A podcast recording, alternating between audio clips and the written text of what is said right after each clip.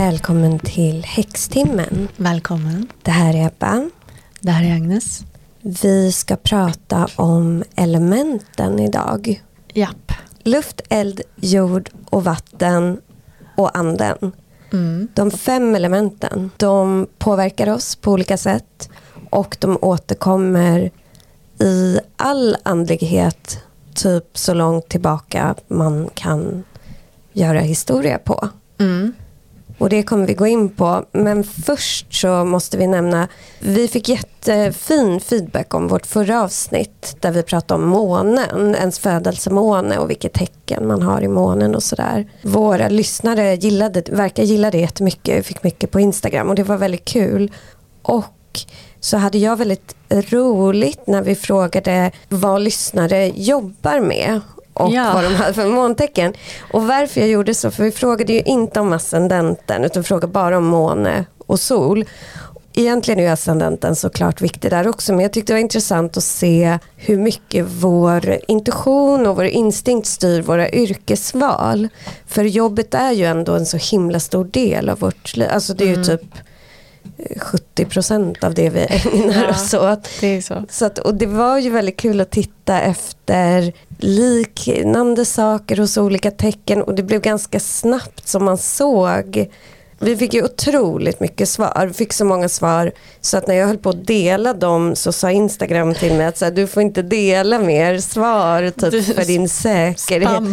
Ja, men det roliga var att det var så många som kollade på dem. Det var typ Ja. tusen personer som kollade på alla. Ja, så att folk tyckte ju att det var kul. Ja, det var jättekul. Men det var så roligt för att ganska snabbt såg man att folk med skorpionmåne jobbade på operationer. Ja, Jättecoolt. och det är så specifikt. Det är inte Ja. som att man träffar någon dagligen som jobbar med operationer. Nej, och då man tänker att det svarade så här typ 400 pers på vår undersökning och fem av dem har skorpionmåne och jobbar med operationer. Ja. Det är ganska konstigt. Ja, faktiskt. Sen såg man ju verkligen många som hade fisk och kräftmåne att de, och faktiskt vågmåne också jobbade väldigt mycket sådär i vården eller som speciallärare och sånt, Mm. alltså så här omhändertagande yrken. Ja, det är skönt att de har dem. Ja men en sak som var jättekonstig också var att det var jättemånga med vattuman,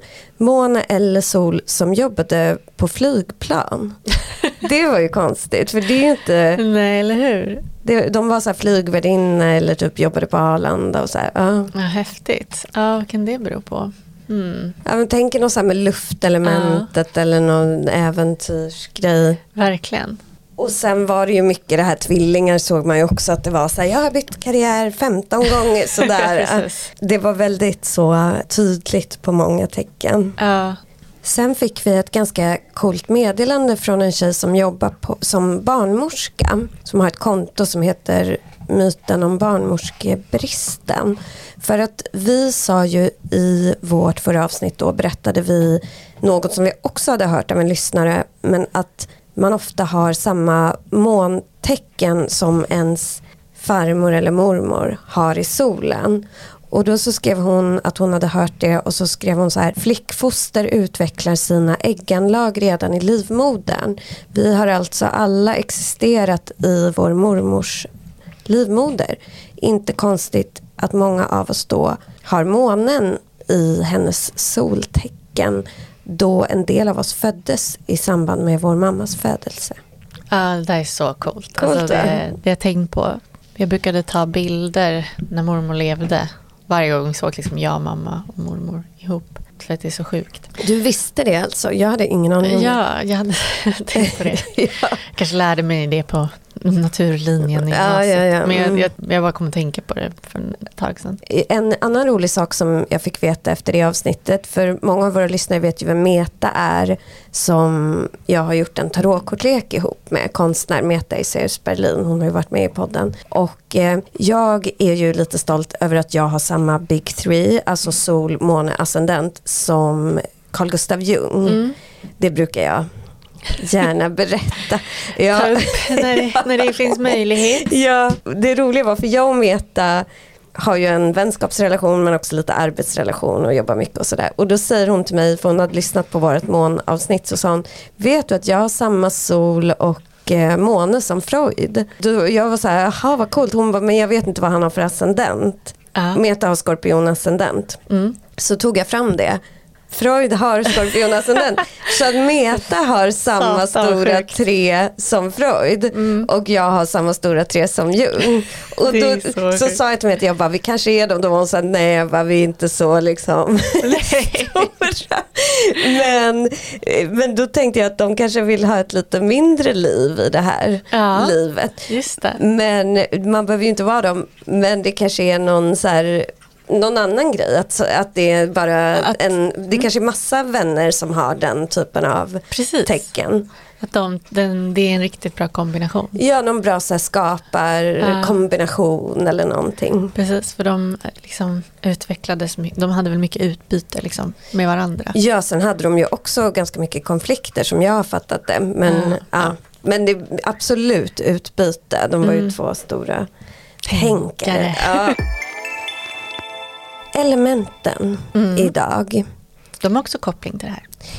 Ja, eller man ska säga att astrologi har ju koppling till elementen. Mm. För att elementen är ju något som återkommer i all andlighet egentligen, eller väldigt mycket. I häxkonst använder man elementen hela tiden. I formler, i olika liksom, energier man vill ha. I astrologi, som du sa, zodiaken är uppdelad i olika element. I tarot, den mindre arkanen är uppdelad i element. I ayurveda så är de olika dorsorna i element. I kinesisk läkekonst jobbar man mycket utifrån elementen. I alkemi, alltså hela tiden genom människans historia och ockulta historia så hittar man elementen. Ja, precis. Och det är någonting som man nästan så här kan referera till i dagligt tal också. Ja, ja visst, vi gör ju det. Man säger så här, det är en eldig person eller Mm, det är en Precis. jord, ja, den där är så jordad eller sådär. Mm. Jag googlade på det här fick jag också upp de fyra elementen hos bra marknadsföring. Eller Mm, någonting. Och då var det ju, handlar det om något helt annat. Men det liksom baseras på den här idén om att de fyra behövs tillsammans. Att det är så liksom vedertaget i en. Ja, och det har också varit det, inte bara i andlighet. Hippokrates, säger man så? Eller hur säger man hans namn? Hippokrates. Hippokrates. Hippokrates, ja. första gången jag sa hans namn nu. Precis. Men för han anses ju vara läkekonstens fader och han levde ju under antiken så det är väldigt länge sedan. Men han, var ju en av, han är ändå en av de mest framträdande personer inom medicinens historia. Och han utgick från något som han kallade för fyra humor eller humor, jag vet inte hur man ska säga det, men humor. Och de var satt ihop med de olika elementen och stod för olika saker i vår kropp. Det han menade var att om de inte var i balans så blev man sjuk. Så att om inte elementen var i balans i ens kropp så blev man sjuk. Och då fanns det olika örter och växter och sådär som tillhörde de här olika elementen som man kunde balansera. Om man då hade blodbrist så kanske man hade brist på eldelementet och då skulle man äta någonting som balanserade upp det här. Och det påminner ju om ayurveda och eh, kinesisk läkekonst ganska Ja. mycket. Verkligen. Vi har ju tagit bort det idag, typ i lä- alltså, mm, västerländsk läkekonst. Samtidigt pratar vi hela tiden om, man tänker en balanserad människa så är det ju någon som jobbar, återhämtar sig, Mm. ja sådär. Man är, är ju, blir ju problem när någon är bara en sak hela Mm, tiden. precis, någon som har balans i livet. Och att det också är någonting man gärna har. Elementen är ju typ en slags nyckel till liv. Även om, alltså när de kom på elementen, eller jag säga, men när typ Platon pratade om dem, då var det väl så att man trodde att in, liksom om man kollade på djupet in i någonting så var det en liten eld där inne typ, och då var den Mhm. gjord av eld eller Mm. någonting sånt. Och det vet vi ju att det är i atomer idag. Men elementen finns väl på det sättet att det skapar, alltså alla behövs för att skapa liv. Jord Mm. eh, och vatten och sol, alltså eld och luft. För att liksom en, en planta ska växa. För att förstå elementen, för det vi pratar om när vi säger elementen, det är ju eld, vatten, jord och luft. Och anden. Det är inte alla som ser det så. Men inom häxkonst oftast pratar man om fem element. Och för att förstå helt elementen och så, så tycker jag att vi måste prata lite om pentagrammet. Ja, coolaste symbolen som finns. Och också en av de typ äldsta symbolerna som finns. Mm. Och pentagrammet är ju, det är en femuddig stjärna där spetsarna är sammanbundna med fem streck. Jag tror alla vet hur det ser ut. Mm. Och det är en uråldrig, magisk och faktiskt matematisk symbol som då för väldigt många och för mig inkluderad representerar de fem elementen. För då representerar varje spets ett element. Och det uppåt är anden då? Ja. Mm. Och det är ju, vi har nämnt det förut, men pentagrammet har ju använts mycket inom satanism och då brukar man ha det upp och nedvänt. Mm. För att då det går ner i underjorden till djävulens spetsen. Ja, och liksom att anden är underordnad de andra elementen på något sätt. Pentagrammet har alltså funnits så långt tillbaka som, alltså man vet att magiker i Mesopotamien, i den sumeriska kulturen, använde pentagram och det är alltså 5000 år sedan. Så så länge har pentagrammet använts vet man då magiskt pentagrammet är en så väldigt viktig symbol i västerländsk andlighet. Det återkommer hela tiden i okult litteratur och man vet att det har använts i så europeisk folkmagi. Den generella teorin, jag vet inte om folk liksom tror det på riktigt eller om det bara är saker som sägs, är att pentagrammet kommer från kung Salomon. Han var en väldigt så här, magisk kung som hade ett palats. Man kan säga Salomons sigill och sådär. Vissa säger att det är pentagrammet. Men det omnämns i en bok som heter Salomons testamente. Som ingen faktiskt vet vem som har skrivit. Det sägs att det ska vara han själv. Men troligtvis så är det inte skrivet av honom. Men den boken är både en så berättelsebok och som en magisk guide. Men grejen är att även för pentagrammet, nu anses ju det av vissa anses det ju symbolisera häxkonst och många häxor använder det. Men det har också använts faktiskt i kristendomen tidigare innan det blev kopplat till så här djävulen och så. För att då sa man att det representerade Kristus fem ah. sår. Han blev ju korsfäst. Och man kan ju se det på de här spetsarna. Även har det varit, det symboliserar ju människan, Pythagoras en mm. favorit. Mm. Ja, Han ansåg att pentagrammet stod för så absolut perfektion. För mm. det är alltid balans. Men det är från, tror man, från antika Grekland. För då vet man att filosofer och de här läkarna då, Hippokrates gänget, att de använder just pentagrammet för att symbolisera de här olika elementen. Så att pentagrammet står ju för elementen i balans kan man säga. Mm. Och om vi tittar på hur symbolerna för de olika elementen ser ut, det här kommer också från antikens Grekland, så är ju det Tre, varje element har en symbol som är en trekant förutom anden då. De är vända uppåt och nedåt och vissa har streck på sig. Och då så om man lägger ihop dem så kan de bilda ett pentagram. Så att ja, när, man, när man gör ett pentagram så är det man målar en typ av balans för att elementen i balans står för absolut balans. Mm. Så genom att kanske göra ett sigill med en pentagram eller att man som jag bär ett smycke med pentagram. Då, Tatuerar sig. Ja exakt. Mm. Då för man in elementens energi. Och många vill ju göra det i sin magi till exempel. För att när man pratar om häxkonst så är det ju hela tiden att man, så här, man använder eldmagi. Det är ju till exempel formler med stearinljus och sådär. Då använder man eldelementet. Man kan göra vattenmagi där man använder vatten. Då använder man vattenelementet och sådär. Allt utgår ifrån elementen kan man säga. Mm. Och det är också ett sätt ju, som när man säger att så här, lejon är ett eldtecken då förstår vi också intuitivt vad det innebär att mm. vara ett eldtecken. Så det är ju, elementen är ju arketyper och de återkommer i alla kulturer. Alltså som när vi nämnde så här, jag vet att i taoismen så använder man också pentagrammet för att visa olika element och så. Människor över hela jorden i alla årtusenden har använt elementen. Det är häftigt. Ja, för att också symbolisera så karaktärsdrag. Att man säger du är eldig, då innebär det någonting. Mm. Som vi vet intuitivt. Det är jordad. Då vet man vad det innebär. Jag började jobba med mina element för tio år sedan ungefär. Mm. Det var faktiskt en stor förändring. Alltså det är en stor grund i min andlighet. Och det har gjort väldigt mycket för mig. För att det jag gjorde det då är att dels uppmärksamma och försöka skapa en viss balans i elementen. I både min fysiska kropp men i mitt sinne. Man kan känna ganska snabbt om något element är ur balans. Är eldelementet ur balans så kan det ta sig uttryck på till exempel två olika sätt. Ett sätt är ju att man liksom inte har någon energi. Att man inte kommer någonstans och man inte sätter igång saker och sådär. Då har man ju en väldigt låg eldenergi.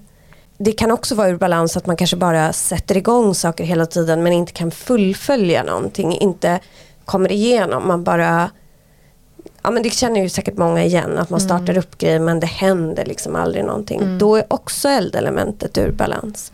Är jordelementet ur balans då kanske man känner sig väldigt stressad, att man hela tiden är i huvudet, att man inte har koll på saker.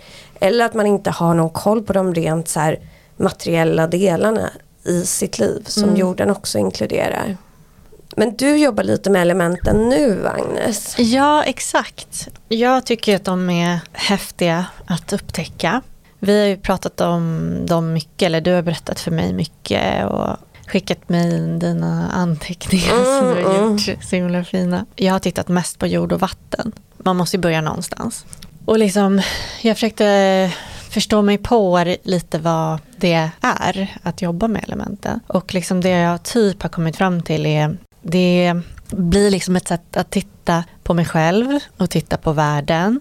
Och man kan analysera sig själv utifrån varje element och liksom lära sig om sitt inre jag, min liksom inre konstruktion. Och på det sättet kanske också liksom lära sig någonting om världen eller eh, få ett lite högre medvetande om världen kanske.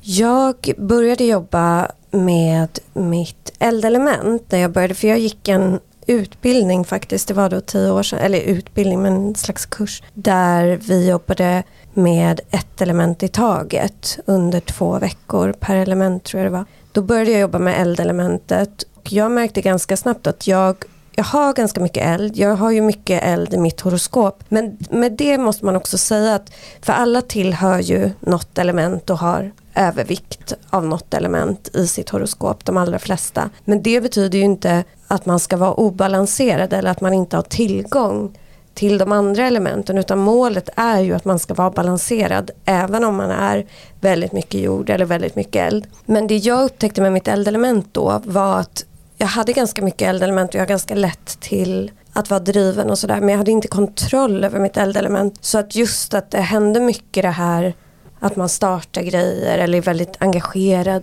till en början men att det brinner upp ganska snabbt. Så att det jag jobbade med då var att få kontroll över eldelementet så att man liksom får en inte en skogsbrand som bränner upp allt direkt utan man kan brinna under lång tid och liksom få igenom saker på ett bättre sätt och ha kontroll över det. För att ha kontroll över sitt eldelement då tar man också kontroll över sin viljestyrka till exempel. Och den ska ju inte bara vara att så här, nu vill jag ha det här nu utan man ska kunna göra långsiktiga saker med den. Mm. Och samma tänker jag med vattenelementet att har man inte kontakt med sitt vattenelement eller så har man inte kontakt till sina känslor, inte kontakt med sin intuition och sådär. Så då jobbar man med det och balanserar upp det. Vatten behöver ju också gränser. En flod måste liksom rinna igenom någonting och sådär. Annars flyter den bara ut över allt. Ja, och det är samma med alla element, att alla element behöver gränser. Mm. Även jord behöver gränser. Alltså, det kanske inte man kan se lika så symboliskt men om man bara är jord blir det också ganska statiskt. Mm. Alltså att man bara... Begravd. Ja, och att man inte kanske tar några initiativ eller man håller för hårt i det materiella och sådär. Ja, just det. Man håller sig själv fången på samma plats. Jag har försökt att tänka på elementen som slags magiska strömningar också. Som man, när man isolerar dem och liksom balanserar dem ett och ett så kan man sedan montera ihop dem till ett pentagram. Och att varje element liksom symboliserar ju olika egenskaper som man kanske inte... När man isolerar dem så där så får man ju syn på dem. Och då kan, kan man jobba med dem. Att man inte, liksom, inte blandar ihop alla olika delar av sig själv utan man kan faktiskt titta på dem separat. Och så. Precis, då ser man sig själv med perspektiv. Men vi kommer gå igenom varje mm. element, prata om vad de har för symboler och sådär. Men också hur man kan jobba med dem för att balansera upp dem eller lära känna dem. Jag kommer köra eld, luft och anden och du kör jord och vatten. Men sen tycker jag, ska säga för att jag är ju, jag har ganska balanserade element faktiskt i mitt födelsehoroskop. Jag har rätt mycket, alltså jag har rätt så här, mycket av varje eller vad man ska säga. Men jag har ju mest eld och luft. Och du har ju mest jord väl i ditt ja. horoskop. För jag tycker att det finns något i som vi gjorde i förra avsnittet att du pratar om eld och luft mm. och att jag pratar om jord och vatten. Mm. Så att vi kanske kommer göra det andra gången men nu kör vi så här. Ah, För det är de det. elementen vi är närmast som vi pratar om ah. nu. Mm. Men mm. precis.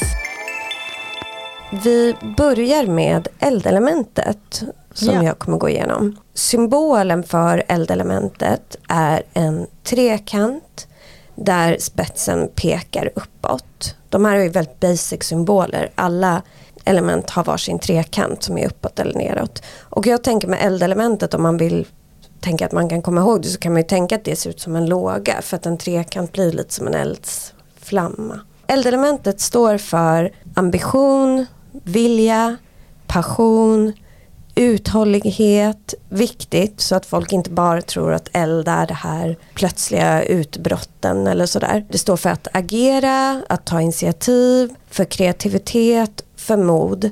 Men också så står det för transformation. Med eldelementet kan man förändra saker. Elden är då lite unikt som element. Det är inte något som vi naturligt har tillgång till. Vattenelementet, vi består ju av vatten, mm. vi människor. Så bara man stannar upp och så här, känner in sig själv lite så kommer man i kontakt med vattenelementet. Eldelementet behöver vi skapa på något sätt. Det finns ju eld runt oss som vi sa med solen och sådär. Men vi har inte den i våra händer om vi inte skapar den. Och sen är det också så att elden bara kan existera genom att konsumera ett annat element. Alltså det måste brinna i någonting, så trä eller jord eller så. Så att elden är en transformativ energi den förändrar saker till en annan form rent symboliskt. Om vi tar då ett trä som ju är jordelementet och bränner upp det så blir det något annat. Det blir aska, det kanske blir en kolbit, det blir rök, det blir hetta. Elden är det elementet vi använder om vi behöver skapa förändring i våra liv. Och vill man känna in elden i sin rent fysiska form så kan man gå ut en solig dag och så känna solen på sin hud. För solen är ju då eld fast väldigt långt bort. Man kan tända en brasa, lyssna på den sprakande elden. Man kan tända ett stearinljus och titta på lågan. Och en sak där, för man använder ju ofta stearinljus i olika formler och ritualer. Och när vi tänder ett stearinljus då har vi ju elden i sin kontrollerade form. Och det är ju en positiv sak för då kan vi välja liksom den, den brinner bara så här mycket och sådär. För att elden också har den här destruktiva energin som bränner ut oss eller bränner upp andra. Så här, för mycket eld kan ju förstöra både oss själva och människor runt omkring oss. Och som sagt det kan också förbruka de andra elementen om vi bara går på med mm. eldenergi. Man kan ju tänka sig, alltså så här, utbrott av ilska kan ju bottna i vattenelementet och så men de är ofta väldigt eldstyrda. Ja men precis. Och de väldigt eh, okontrollerbara, liksom, flyktiga på något sätt. Ja, och de är ofta väldigt destruktiva. Ja. Om man tänker sig en så här vänskap och då att det kommer en jätteeld och bränner upp den. Då blir ju aldrig den här vänskapen densamma igen utan då har den förändrats. Det kanske kan vara något som kan överleva, alltså det förvandlas till en kolbit som man kan göra något annat med. Men den kommer aldrig bli densamma igen. Nej, precis. Så därför vill man också kunna kontrollera det. Och det är ju mycket till de som kanske är mycket eldtecken eller har väldigt hett temperament. Behöver ju verkligen kunna kontrollera sin, sin eld. Det var jag ju inne på förut men det finns ju två sätt att vilja jobba med eldelementen. Det är ju om man styrs för mycket av så här plötslig impulsivitet och ilska och passion. Eller om man inte agerar, alltså inte tar initiativ, inte kan genomföra saker och sådär. Första är ju typ en medicinsk diagnos. Utbränd. Ja, utbränd kan man ju vara. Ja. Ja. absolut. Då har man tagit i för hårt. Eller blivit tvingad att göra det. Jo, det är ju det som händer med eh, eldelementet. Mm. Att vi eh, kan just bränna ut oss. Ja, och det använder man ju faktiskt i språket. Alltså Ja. utbränd. Precis. Det finns ju också den där sägningen, askan är den bästa jorden. Svedjebruk och sånt. Men Vad det, menar man med det? men det är så att om man ska odla så är bränd mark Mm. jättebra. Men det är under en begränsad tid. Ja, Något sånt. Ja. Men det är det är väldigt bra odlingsmark. Därför är skogsbränder naturliga. Det är liksom positiva för skog. Ja, de är ju det. För det kan man också tänka, det är ju det att de skapar ju, för, för elden har ju en till egenskap och det är ju att Alltså man tänker att det är dåligt att bränna bort saker men ibland är det ju faktiskt bra. Alltså man Mm. behöver bränna bort det som har så stagnerat och, både då i skogen och i eh, livet. Mm. Att om man har olika relationer eller arbeten eller vad som helst. Det kan, alltså ilskeutbrott och sådana här saker är inte alltid Nej. dåliga utan det Mm. kan ju behövas. Precis, de kanske kommer av att man har hållit inne på någonting också. Mm. Och det mår man inte bra av. Och sen så, som du sa, då blir inte den relationen samma igen. Men den, för den blir aska. Men ur askan kan man Ur askan i elden. mm, Ja men precis. Men, och det är där man får titta på sig själv. Så här, är det något destruktivt som skapar problem eller är det så att jag behöver Mm. säga ifrån? Alltså inget är ju varken alltid bra eller dåligt. Men man kan väl tänka att det är väl inte jättepositivt att vara en, en person som ofta är aggressiv. Ja. Det är det ju inte. Som liksom reagerar. Ja men och sen så då har varje element har någonting som kallas för signifikatorer. Och det kan man säga, vad det ordet betyder är det som bär dess betydelser. Men det, det är saker som man kan använda då för att symbolisera elementet vid ritualer eller när man kanske behöver mer av det. Alltså att använda de sakerna för att föra in eldelementet i sitt liv. Och varje element har en riktning och det är den man vänder sig till när man vänder sig till elementet. Om man ska göra eldmagi eller man vill åkalla elementet så vänder man sig i den riktningen. Och då har eldelementet söder som sin riktning. I zodiaken finns eldelementet representerat i vädur, lejon och skytt. Och då är det ju det där man kan tänka på att vädur är ju kardinaltecknet. Det är den uppstartande elden. Lejonet är den fasta elden. Den kan man ju se som en liksom stark brinnande eld. Och skytten är den rörliga elden. Månfasen, som eldelementet hör till, är den växande fasen. Det kan man ju också förstå varför. För att det, man använder ju ofta eldelement när man startar upp någonting. Och det är ju det man gör under den växande månfasen. Det är expansivt. Veckodagarna som är styrda av eldelementet är söndag och tisdag.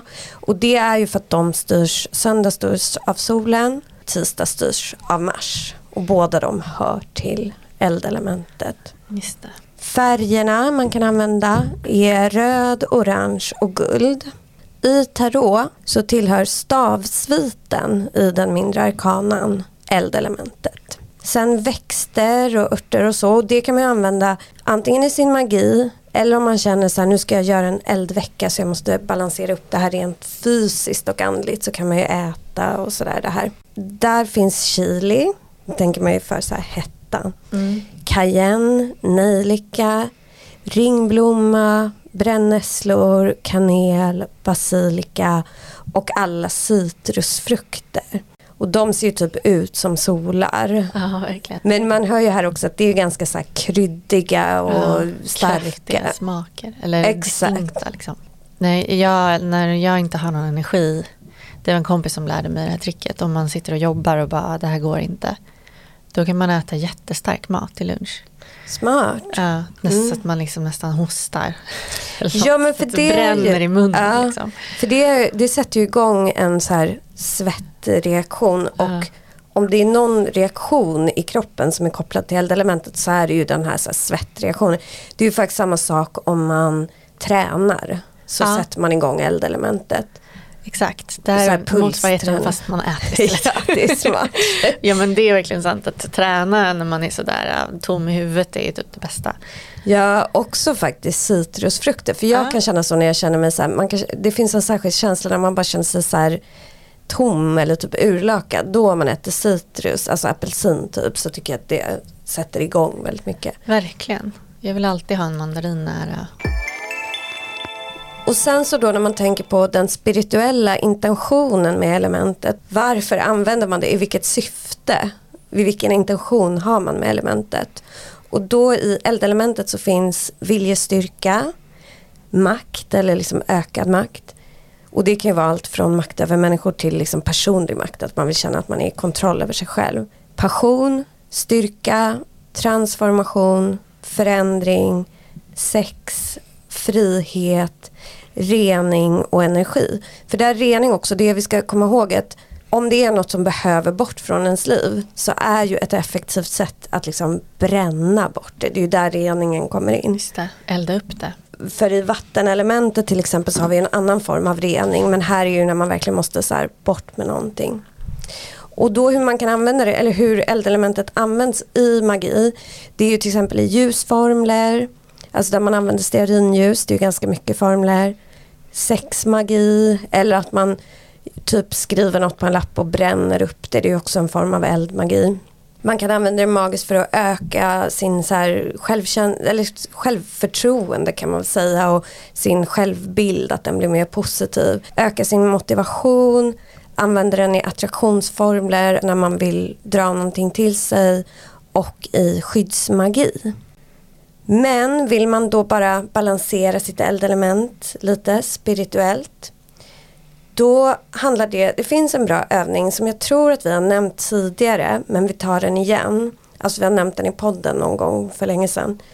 Och det handlar om att lära känna och börja lita på sin vilja och sin viljestyrka. För att i magiska formler eller när vi försöker manifestera saker då handlar det väldigt mycket om vad vi vill. Och då när jag säger så här, jag vill ha pengar, säger vi då. Eller så här, jag, eh, vill manif- jag ska manifestera pengar. Om jag inte tror på det jag säger, alltså om jag har en röst inom mig som säger att fast du ville också börja träna för ett år sedan men det gjorde aldrig du då litar inte vi på oss själva så då funkar inte de här manifestationerna. Det är därför det är så viktigt att få kontroll över sitt eldelement. Och då kan man göra en övning, den kan man göra i en vecka. Där man skriver ner en sak för varje dag som man ska göra. Och det kan vara, det ska helst inte vara så här jättestora grejer så att man, för hela poängen är att man ska utföra dem. Men det ska ändå vara saker som på något vis är lite ansträngande. Det kan vara att man ska posta något brev eller skicka iväg någon ansökan eller diska eller vad som helst. Och då är det jätteviktigt att man under en vecka gör de här sakerna. Alltså man får liksom inte gå och lägga sig förrän man har gjort de här sakerna. För det man ska känna för varje dag och för när den här veckan är slut är att så här, okej, okay, jag har kontroll över min viljestyrka. När jag säger att någonting ska hända så händer det. Så det är därför det är också farligt för många på arbeten eller i livet om någon säger så här kommer du dit, man säger ja ah, visst eller ja men jag gör det där och så gör man inte det. Det som händer med en då det är att man så här urlakar sin viljestyrka och sin kontroll över det man gör. Så att det man gör då med sin spirituella energi är att man förstör den för att man slutar lita på sig själv. Så då är det bättre att säga att nej, jag, jag vet inte om jag kommer hinna göra det där till jobbet eller vad det är. Så att man inte hela tiden förstör sin egen intention. Så det är en övning man kan göra. Sen som vi sa, fysisk ansträngning, komma igång i kroppen, i sinnet. Sen kan man också om man vill göra solvatten och dricka lite solte för att ta in eldenergin i rent fysisk form. Och solvatten är typ samma sak som månvatten fast med solenergi då. Det är många som gör månvatten vid fullmåne, att man ställer ut vatten i månljuset. Men då kan man göra en solig dag, att man ställer ut vatten i någon behållare. Vill man så lägger man i kristaller där för att liksom dra in ännu mer av energin eller så låter man det bara vara vatten. Och det man gör då är att man låter vattnet absorbera solens energi. Sen så kokar man te på det här vattnet och då kan man ha i någon vanlig tesort om man vill. Och sen så har man i när man dricker det också kanel som tillhör eldelementet och skivade citrusfrukter. Så dricker man det, då kan man tänka att man liksom tar in den här energin. Så det kan man göra under den här veckan för att så här sätta igång sig själv lite. Nu ska vi se, men jag har ju då kollat på vatten och funderade på vad vatten är lite grann och sådär. Och då tänkte jag att det är ju många saker men det är också om man tänker att det reflekterar ju sin omgivning också. Så det, och det är ju kopplat väldigt mycket till intuition. Så att då förstod man, jag liksom tänkte jag så här, ja men om mitt vatten inte är, är stilla eller lugnt då kan inget reflekteras i mm. vattnet. Så att man vill kanske få balans på sitt personliga vatten för att man ska kunna se liksom, den sanna reflektionen. Ja, för vatten, precis. Vatten kan ju också vara ett stormigt hav. Det kan ju uh. vara väldigt förödande. På samma sätt som väldigt starka känslor. För vattnet är ju kopplat mycket till känslor. Och på samma sätt kan ju en väldigt starka känslor också vara väldigt förödande. Verkligen. Jag började liksom så här, ja men det är kanske ett sätt att reflektera över någonting som man använder sig av vatten. Och att det är närande, som vi sa, att man vattnar och så kommer livet. Mm. Sådär. Vi alla kommer ur vatten. Vi alla krälat upp ur haven. Vissa till och med krälar tillbaka igen som späckhuggare och delfiner och sånt där. Ja. Nej men det, det liksom handlar om vår, vår känslor, kärlek, tro, vänskap, medkänsla, det undermedvetna paranormala förmågor. Vattenelementet står ju för, det, det regerar ju för, över intuitionen och över undermedvetna. Så det kan man ju verkligen säga att är man inte i kontakt med vattnet så har man inte kontakt till sin intuition. Ja, precis. Och det är också kärleksfullt, renande, helande element. Känslorna vi får av glädje och kärlek när vi är med våra älskade vänner och familj är kopplat till vatten. Mm -mm. Har du lärt mig? Ja. och man, ja men jag måste säga en sak ja. där för att jag tänker så här med vatten, alltså vatten kan ju vara alla känslor men om man känner väldigt stark passion till någon då rör man sig mer i eldelementet. När man känner kanske den här mer mjuka, varma kärleken då handlar det mer om vattenelementet. Ja, jag tänkte på det där i, på engelska finns det ju feelings och emotions. Mm. Det finns ju inte på svenska. Vad jag kan Nej, precis. tänka. Och att feelings är kanske något mer omedelbart i stunden. Att ja. man, man träffar en person och blir blixtkär. Men typ emotions kanske är att man går runt och är kär. Ja och liksom även då den kärlek man känner som inte kanske är till en partner eller sexuell person. Alltså man känner ja. ju kärlek när man är med ja. djur eller familj eller sådär. Den typen av känslor som är lite mjukare mm. är mer vattenelementet. Mm, precis. Det finns ingen aggressivitet över dem på något sätt. Och om man vill känna vatten i fysisk form, det vet nog man hur man gör. Ja. Men eh, man badar och simmar, känner regnet, kan ta ett rituellt bad, dricka vatten och där kan man ju verkligen känna, man kan ju dricka vatten på ett så ganska medvetet sätt och verkligen känna hur det känns när det så här släcker törsten. Uh. Vi ska säga också att vattnets symbol är ju en trekant med spetsen nedåt. Just det. Och det kan man faktiskt tänka som en skål ju, Mm. om man vill komma ihåg det. Alltså en bägare. Mm, Är det det är ju. fint där man har vattnet.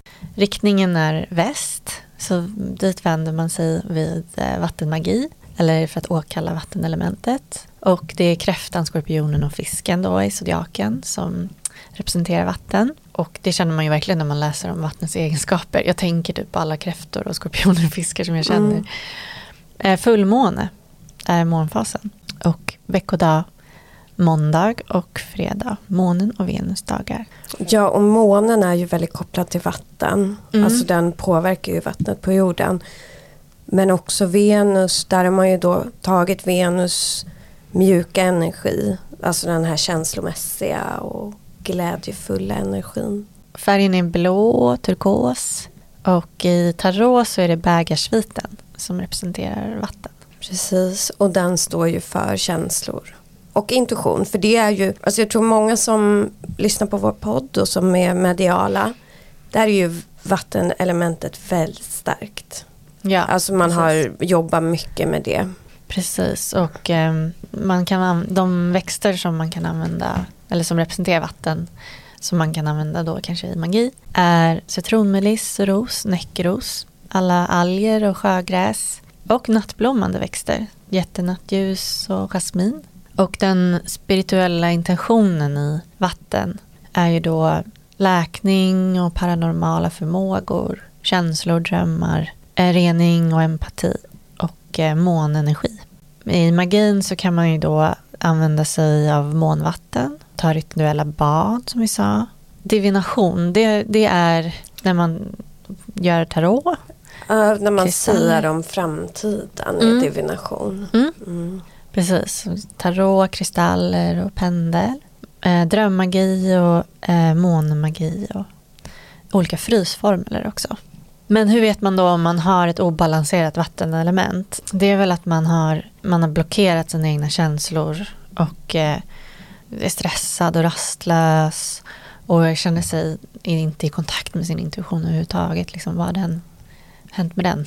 För att balansera det så kan man eh, göra meditationer som sätter en i kontakt med känslor och man kan tyda drömmar. Ja precis, för att på natten när vi sover då är ju vårt undermedvetna aktivt. Så då är vi ju i kontakt, då är vi ju i vattenelementet. Sen med meditationer så är ju så här, alla meditationer blir ju, alla meditationer där man försöker komma ner i det undermedvetna eller så handlar ju om vattenelementet. Och de hjälper ju till att öppna upp en för sin intuition. Jag har gjort vissa meditationer när jag har balanserat mitt vattenelement där man verkligen så här försöker känna känslorna i kroppen. Eh, det finns guidade meditationer där man kan känna känslorna som en fysisk känsla i kroppen och liksom vilken plats de sitter på och sådär. Och det gör man, kan man göra både för att lugna ner känslor men även för att komma mer i kontakt med dem och förstå dem. Så här, vad säger den här känslan, vad vill den mig? Men sen också alla meditationer just där man jobbar med det undermedvetna. Hypnos är ju en till sån sak som ingår i vattenelementet. Någonting som jag längtar så mycket efter att göra. Att man kan gå barfota genom gräset när det, har, när det är dagg. Ja, Eller när det regnar. Ja, otroligt. Det första man gör på morgonen. liksom. Ja, det är härligt. Nu tänkte jag också på en sak, man kan gå också vid havet. Alltså med barfota Ah. i sandstrand. Mm. Det, är, det är ju magiskt. Det är verkligen härligt. Mm. ehm, så det kan nog alla som har gjort det skriva under på att det känns, det känns när Mm. man gör det. Det blir man lugn av. Ja, där kan man ju verkligen, du ska få fortsätta, men liksom ligga i vatten och så. Alltså vattenelementet är ju så lätt att verkligen vara i fysiskt. Och kanske medans man mediterar, meditera i det här gräset som är blött och så. Det, liksom hur, det finns ju vissa som inte tycker om att bada eller att bli blöt. Eller ehm, liksom tycker att vatten är läskigt. Det, det kanske bara är någonting, det kanske inte har någonting med det här att göra. Eller Alltså jag man- tänker ju att allt hänger ihop så det har säkert med det här att göra. Ja. Alltså tycker man inte, grejen är jag är ju så här rädd för öppet hav men jag är inte rädd för vatten. Alltså, men jag tycker det är obehagligt att vara ute på en båt och så här. Mm. Och det kanske man kan koppla till att jag är rädd för djupa känslor eller inte, jag vet inte. Men är man rädd för vatten så att man inte ens vågar bli blöt, då tänker jag att man nog har lite Mm. problem faktiskt. Alltså med säkert sitt vattenelement. Mm. För vad är det egentligen? Alltså det måste ju vara på något vis att förlora kontroll eller Ja, Alltså det är ju något konstigt Mm. tycker jag. Vad är det, vad, hur känns det att vara blöt och varför Ja. är det så jobbigt? ja. ja, ja. Jo men för jag tänker att det är spännande att just tänka på, för att då kan man säga nej men det har inget med vattenelementet att göra men antagligen så har det ju det Mm. in, på något plan. Ja, eller hur? Jag Och tänker att om man- älskar att bada. Ja men Liksom. det är samma sak så här om man är jätterädd för eld. Alltså det är klart att det är sunt att vara rädd för eld i viss mån. Men om man är rädd för en liten brasa då är det ju något som är Mm. Och man blir fel. helt nojig kring och ska liksom vakta på den. Och, och sånt Ja. där. Det finns, så kan ju vissa vara med eld.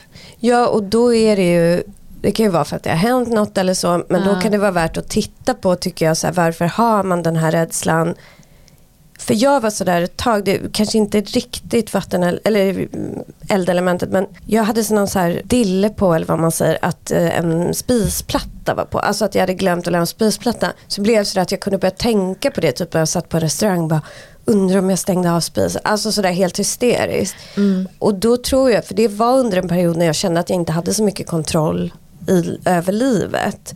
Och då har man ju faktiskt lite problem med sitt eldelement. För att Mm. man känner att man inte har kontroll.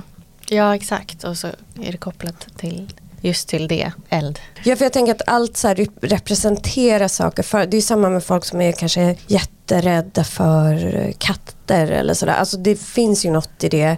Varför är man rädd för det? Det är ju oftast inte själva katten det handlar om. Utan handlar kanske om plötsliga rörelser och sådär. Då får man fundera lite så här, var kommer det ifrån? Vad kan man koppla det till? Precis. Fobier är ju ofta bara en liksom projektion av något annat problem som man har. Ja, jag fick ju reda på, för jag har ju haft en slags fobi för döda djur. Alltså sådär att se döda fiskar eller döda fåglar eller så. Och jag gjorde ju en sån här tidigare liv-regression för att ta reda på var det kom ifrån. Och då var ju det tidigare liv när jag hade haft en bondgård och en dag när jag kom hem så hade någon brottsling varit där och så att när jag kom hem bara låg alla mina djur som då såklart var min försörjning och så låg så här döda på gården. Så det blev ju en jättestort trauma för mig i det livet. Mm. Och då har det hängt kvar som något jag tycker är väldigt, väldigt obehagligt. Ja, ja, Ja, men- sånt kan det ju Mm. vara också. Man vet ju inte. Nej, Eller så är det sådana grejer från barndomen som kan hänt. Ja, men då kommer vi in på luftelementet. ja, det som jag inte har någonting om. Ja, och det som jag har i solen, jag är ju, eh, jag är ju vattuman som är ett lufttecken. Många Mm. tror att det är vattentecken, men så är det ju inte. Jo, men du är ju våg i ascendenten. Du har ju luft. Ja, just det. Det. Där har jag ju luft faktiskt. Men det var, jag tror att det var när man tittade på en sån här överblick över mitt horoskop och så hade de liksom Mm. sagt hur många procent av varje element jag hade. Just det. Det, Mm. kanske är att jag ba, det kanske är bara vågen jag har. I alla fall bra att ha en liksom big three. Ja, för då är du ändå, för du är jord, jord och luft Ja. i ascendenten. Mm. Precis. Och många tror ju att jag är en tänkare när de träffar mig. Mm. är det En inte sval det? tänkare. Nej, jag tror inte det. Det kanske är mer jorden då som tar över. Ja. Ja, men luftets symbol, det är också en trekant uppåt som elden, fast den har ett streck i mitten. Om man vill tänka det är något som, det är inte lika klockrent, men man kan ju tänka på till exempel så här en flygande drake. Den flyger i luften, lite den formen.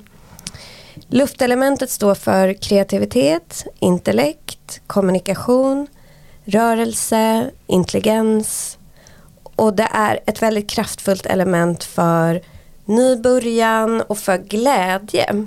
Man tänker mycket på luftelementet som bara det mentala, alltså bara det tänkande.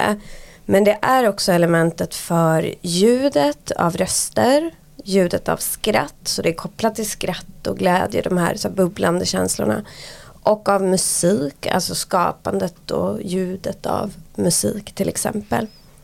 Fint. Ja, mm. och vill man känna in luftelementet fysiskt så kan man ju bara gå ut i så frisk luft.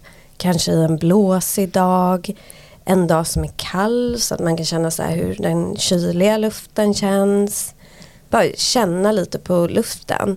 Eller då lyssna på musik och så. Vad gör ljuden med oss? Riktningen för lust, luftelementet är åt öst. I zodiaken så representeras det av tvilling, våg och vattuman. Månfasen är nedåtgående måne och veckodagen är onsdag. Och det är för att onsdag styrs av Merkurius. I tarotkorten så är det svärdsviten som hör till luft. Och växterna, där kan man använda lavendel som är väldigt kopplat till Merkurius, mynta, viol, myrra, citrongräs och dill. Och här hör man ju på de här växterna till så här fräscha dofter och fräscha, de luktar ganska mycket alla de här. Men de har så lite upplyftande dofter. Mm, och det är ju lite i elementet att det är så här, elementet är ju pikt och så här lite porlande på något sätt. Den spirituella intentionen i luftelementet är om man vill ha en ny början, en ny start djupa tankar, kunskap, kreativitet, skrivande, kommunikation, sanning, rörelse, minne, fantasi, musik och glädje. Och inom magi när man använder luftelementet då är det en ganska viktig komponent i magi är ju visualisering, alltså att man kan se saker framför sig. Och det bygger väldigt mycket på luftelementet, alltså mentala bilder. Man anser också att luftelementet hänger ihop med när man bränner örter, alltså när man renar med salvia eller rosmarin eller så. Eller när man bränner rökelse för att röken är en representation av luft. Man kan skriva andlig dagbok.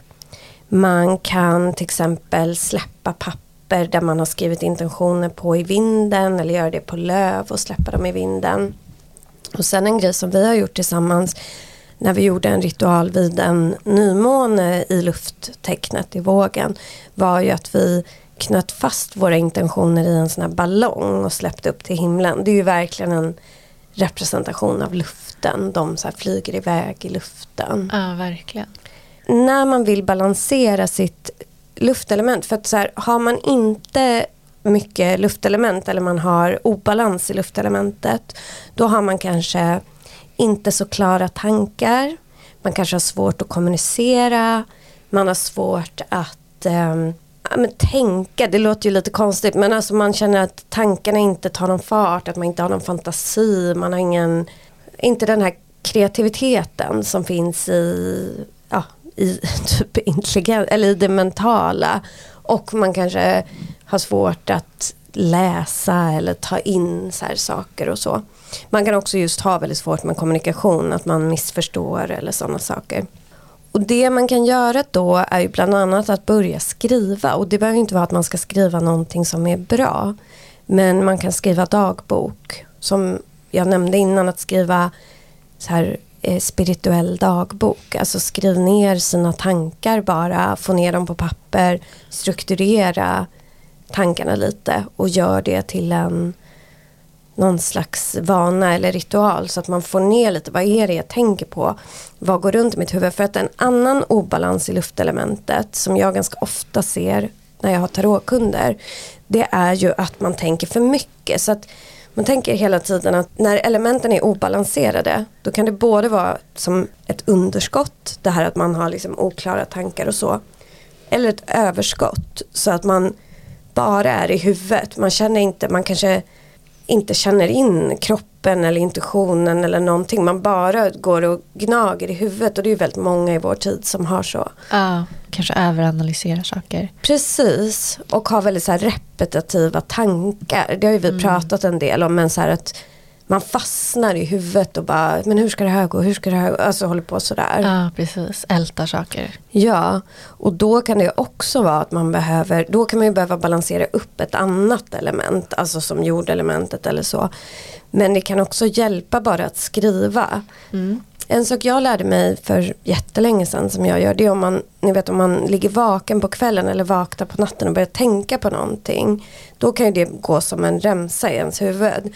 Det man ska göra då är att skriva ner det, om det är typ så här, jag måste gå till banken imorgon, jag måste gå till banken imorgon, håller på sådär.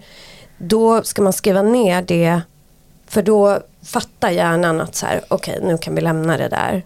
Ja. Annars vill hjärnan påminna en som en så här väckarklocka. Ja, det, det har jag testat. Det är så effektivt. Ja det är verkligen det, då kan man liksom Jättebra. somna efter. Mm. Men sen ett annat sätt att balansera sitt luftelement det är faktiskt att läsa och gärna då sagor och lite så här Alltså inte bara läsa fakta utan Mm. läsa fantasi för att få igång sin egen fantasi. Mm. Och sen också meditation är ju såklart bra här också men att kanske öva lite sin egen fantasi. Alltså fantisera eller skriva ner en saga eller någonting. Och då kanske man blir inspirerad just när man läser andra saker. Ja, ja och man, det man gör också när man läser sagor och sådär det är ju att man får upp bilder i huvudet. För att om man läser då om en drake eller så då ser man ju den framför sig. Mm. Och det man gör då är ju att man visualiserar. Så då använder man sitt luftelement. För många tycker att det är svårt att visualisera. Det är ju någonting man gör när man vill dra någonting till sig eller skapa en intention. Hur vill jag att det ska bli? Då visualiserar man hur det ska se ut. Och många tycker det är jättesvårt. För det man ska göra då är att liksom skapa en mental bild. Men den kan man faktiskt öva upp genom att läsa berättelser. För då gör man, då visualiserar man lite så omedvetet. Ja, gulligt. Ja. Det är fint. Mm. Ehm, man kan läsa barnböcker om man har svårt att ta sig in i eh, tung, tyngre litteratur. Ja, ja visst. Ja. För att man är så obalanserad kanske. Mm. Ehm, ja, så då är det egentligen, eh, man kan säga att i magi då så är luften, då visualiserar man. Och sen så är vattnet intuitionen och sen så är elden viljan. Liksom. Ja precis och vattnet är både intuitionen men också känslorna. Mm. För att när man visualiserar då är det inte bara att man ska se så här någonting utan man vill gärna också känna något positivt. För om du känner dig jättedeppig och ser framför dig Just typ det. det du vill ha. Då blir det inte så bra. Så att du behöver både kunna känna, använda vattenelementet och luftelementet och eldelementet samtidigt. Ja, verkligen. Precis, man måste verkligen känna på riktigt att på det man vill. Ja, Precis, och tycker man att det är jättesvårt att visualisera och behöver träna på det då kan man börja med att istället för att visualisera bara känna så att man frammanar en väldigt positiv känsla istället Mm. och använder den i sin manifestation. Mm. Vad tycker du om luftelementet? Eh, ja, men det är ju häftigt. det, det känns eh, lite så här när du beskrev bristen på det. Kändes nästan som en så medicinsk beskrivning av depression faktiskt. Ja, kanske. Och det är kanske egentligen bristen på alla de här. Om man Ja, tänker så här, eld, helt verkligen. initiativlös eller helt galen. Och vatten, ingen kontakt med känslorna eller helt så här. Jag tänkte när du pratade om vatten så tänkte jag på stenbocksmånen. När man Ja. inte har kontakt med känslorna. Och så tänkte jag på skorpionmånen på det här stormande havet. För vattenelementet kan ju också vara destruktivt. Alltså det är väldigt jobbigt att vara med någon som bara går efter känslor hela tiden. Ja, verkligen. Så, verkligen stormiga känslor. Mm. Nu kommer vi till jordelementet då. Mm. Och när vi kommer till obalans i jordelementet så, så går det också in under, under depressionsdiagnos tror jag nog. Men vi kan börja med att eh, berätta om jordelementet. Den har då en symbol som är en trekant vänd nedåt eh, med ett streck igenom. Och eh, jord står liksom för våra sinnen, våra fysiska känslor som att äta, känna hud mot hud, smak och så vidare. Det, det är liksom egentligen allt som är relaterat till det fysiska och som liksom bär en materiellt och fysiskt. Det är arbete och inkomst och fertilitet, liksom odling, fysiska jorden, marken under den, stabilitet. Men också överflöd och liksom materiell och fysisk verklighet. Manifestation och känsla av trygghet. Li livets naturliga cykler och naturen är ju, hör till jord. Precis, och när man säger manifestation där, mm. då är det ju för att om man tänker att när man vill manifestera så börjar ju det i eld, luft och kanske vatten. Men för att något ska man, alltså när något manifesteras, då manifesteras det ju liksom i det fysiska på något sätt. Så man, där behöver man jordelementet för att saker ska bli verklighet. Ja, precis. Att det blir fysiskt. Ja, det förankras liksom. Mm. Det jag läste någonstans att det var no, det kanske var typ så Platon och hans eh, anhängare som trodde att jord var eh, de andra tre elementen liksom ihop. Skapade mm. jord. Mm. Men det behöv, jag, man, jag tänker nog mer att de står var och en för sig. Men på det sättet så, så här har ju jord en egen ställning där kan man säga. Ja det har den ju. Vi mm. är ju också, vi blir ju jord när vi ja, dör. Alltså exakt. vi förmultnar ju och blir jord. Precis och så växer det ur träd. Och... Ja, nya träd och så växer ju ur Oss. vår död. Mm. Men det är faktiskt häftigt om man tänker på döden. För att det som händer då, nu blir ju många aska men då blir man ju också en del av jorden. Men för då växer det upp träd och blommor och allting så att inget försvinner ju helt utan vi bara transformeras. Så man kan ju tänka att folk som har gått bort finns i blommor, träd, växter, ja. atomer. Exakt. Energi. Ja, du hörde jag någonstans att någon sa energi kan inte försvinna, den kan bara omvandlas. Mm, precis, och inte det magi. Eller hur? Ja. ja. Jag kommer ihåg när jag var liten att det var någon så här, kanske min historielärare, eller nej det var nog såklart min kemilärare säkert, som bara luften som Napoleon andades finns fortfarande kvar i varje andetag du tar typ. Ja, det är så, jag vet alltså, inte varför Napoleon. det kanske man inte tycker För jag var så här, wow. ja, men det är ju faktiskt så att alltså, Napoleon är kvar i något träd. Och, ja, exakt. och det är ju även då ens nära och kära som har gått bort. Ja, precis. För om man nu ska vara naturvetare så är det ju så att atomerna, de försvinner ju inte. De byter bara form. Ja. Jord i, jordelementet i fysisk form är ju då natur och skog, åkrar och träd och trä, sten. Man kan känna det då när man lägger sig i gräset eller går i skogen väldigt tydligt. Jordelementets signifikatorer då som man kan använda för att symbolisera det elementet. Um, eller liksom när man behöver, vid ritualer eller när man behöver mer av det. Uh, så är då att riktningen är norr. Och i zodiaken så är det oxen, jungfrun och stenbocken. Och månfasen är nymåne. Någonting som sen äh, växer efter. Precis. Godagar är då Jupiter och Saturnus dagar, det vill säga torsdag och lördag. Saturday, Saturnus lördag. Ja.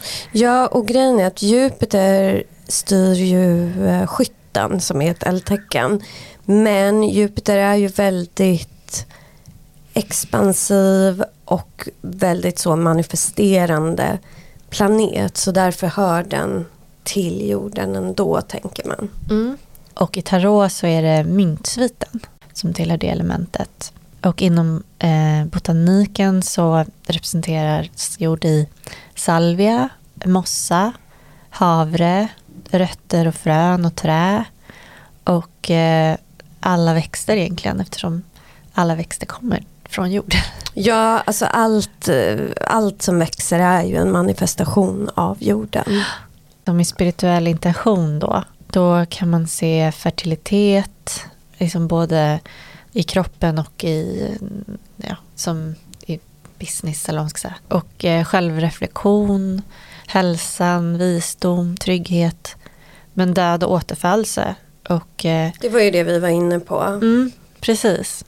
Eh, man växer, när man dör så växer träden upp. Ja, man återföds, om man inte då tror på själslig återfödelse så återföds ju i alla fall kroppen mm. i jord, växter och även djur ju som äter de där växterna och så. Ja, exakt. Och eh, inte minst byter man ju ut alla atomerna i kroppen medan man lever också.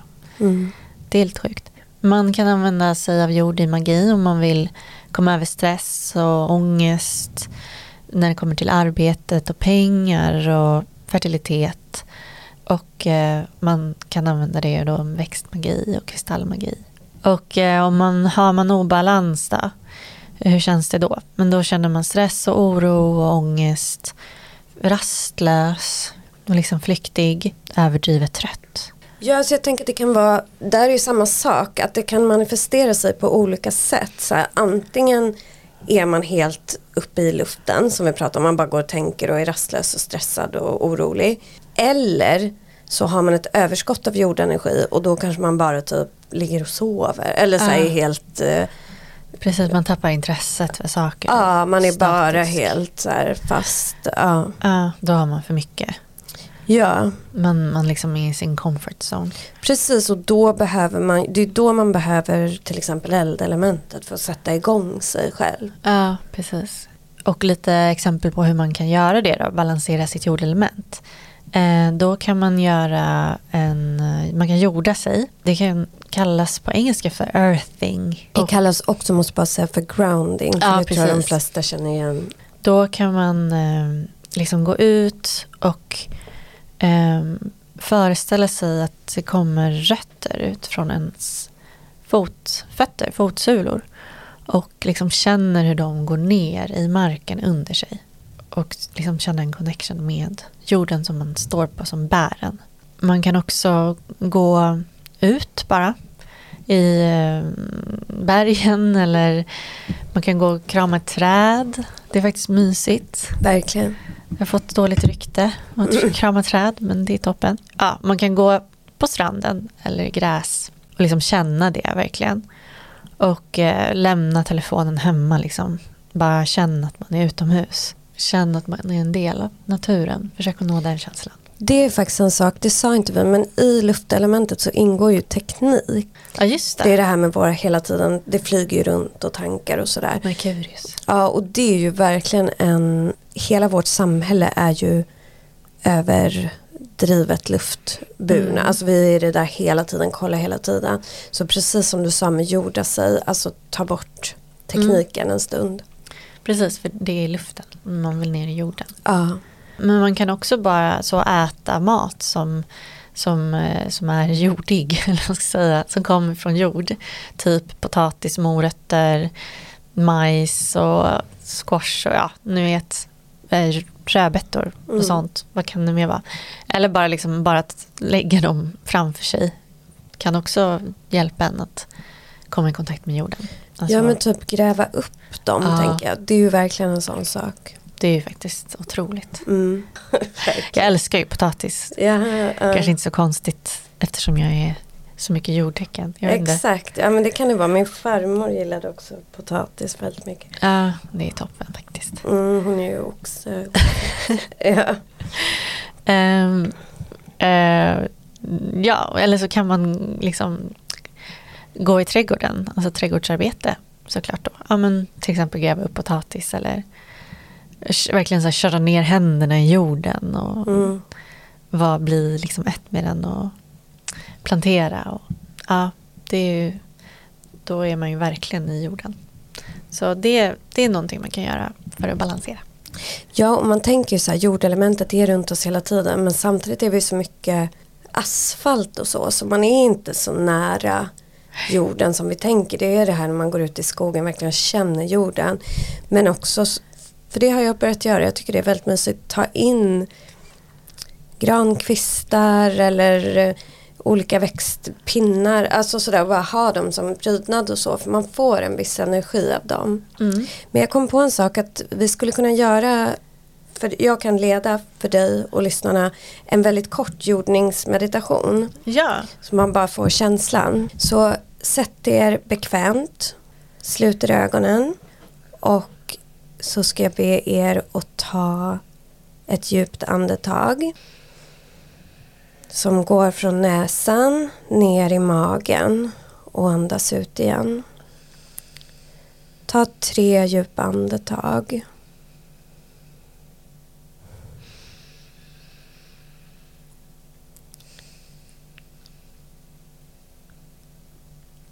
Sen känner ni hur kroppen slappnar av. Och hur vid er svanskota så tänds som ett ljus, ett vitt ljus. Och ur svanskotan börjar det växa rötter ner genom golvet om ni sitter inne, genom hela marken under er, ner i jorden, djupare och djupare ner, genom jorden, genom marken, tills era rötter når ända in i jordens kärna. Hur ser det ut där? Era rötter fäster sig i jordens kärna och börjar dra upp energi från jordens kärna. Den här energin går uppåt, uppåt, uppåt tills den når er svanskota. Och nu känner ni hur den här energin strömmar genom höfterna, ut i benen, i fötterna, i tårna, genom hela ryggraden uppåt som en ljuspelare genom axlarna, armarna, ut i händerna och fingrarna. Upp för nacken, ansiktet och huvudet.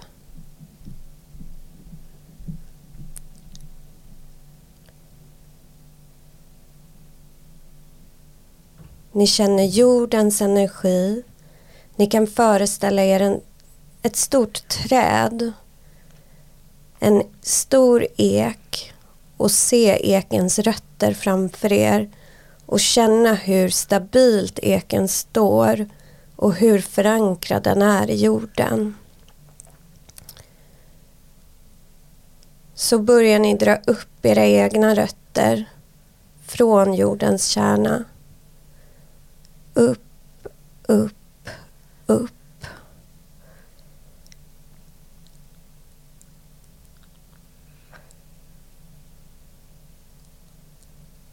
Och nu är ni er själva igen, men ni har, är fyllda av en jordad energi. Och nu kan ni öppna ögonen. Det var en jättekort basic jord, jordningsmeditation. Och de kan ju se ut på lite olika sätt, men ungefär så. Vad jättefint. Då är vi inne på det allra sista elementet. Ja, just det. Spännande. Det femte elementet och det är ju anden som även kallas för eter. Det stavas A-E-T-H-E-R.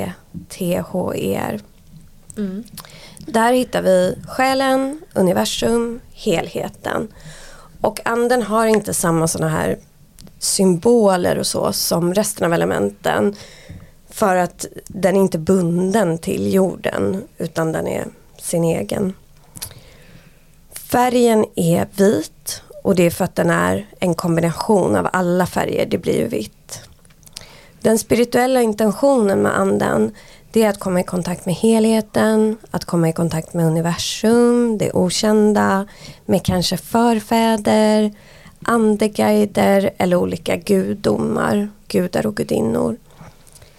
Magin som man kan göra med anden det är ju då kontakt med de här andeguiderna och även kontakt med andra sidan. Då är man liksom i anden, alltså man pratar med folk som har gått bort. Så medium jobbar ju med anden. Vill man jobba med det här så kan man göra sån här automatiskt skrivande som heter på engelska stream of consciousness writing. Jag vet inte vad det heter på svenska, vet du det? Um, Ja, gud vad heter det? Medveten? Eh, nej, jag. Omedvetet skriver. Det är Ja. i alla fall när man bara skriver utan att tänka. Man Mm. bara låter pennan flöda och se vad som kommer. Det har jag gjort mycket. Mm, det är ju jättebra. Ja. Ja, för då får man se vad finns i mig. Då kan man se det som att det är ens ande som skriver. För vi alla har ju ett högre jag. Det kan vara helt osammanhängande saker. Det är Ja. verkligen inte, ska inte hänga ihop. Nej. Och sen kan man ju försöka tolka det då sen och se om man Ja. har fått budskap från sitt högre medvetande. Sen olika former av så här djupt intuitionsarbete kan också vara kopplat till anden.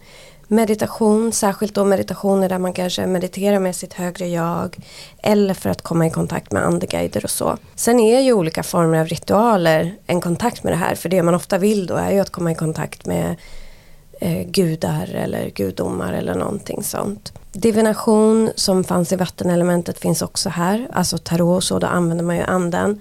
Men sen även bara när man är uppmärksammare och tittar efter tecken från universum eller från sina guider och sådär, alltså att man ser siffror eller får ett tecken i form av djur och så, då jobbar man med sin ande.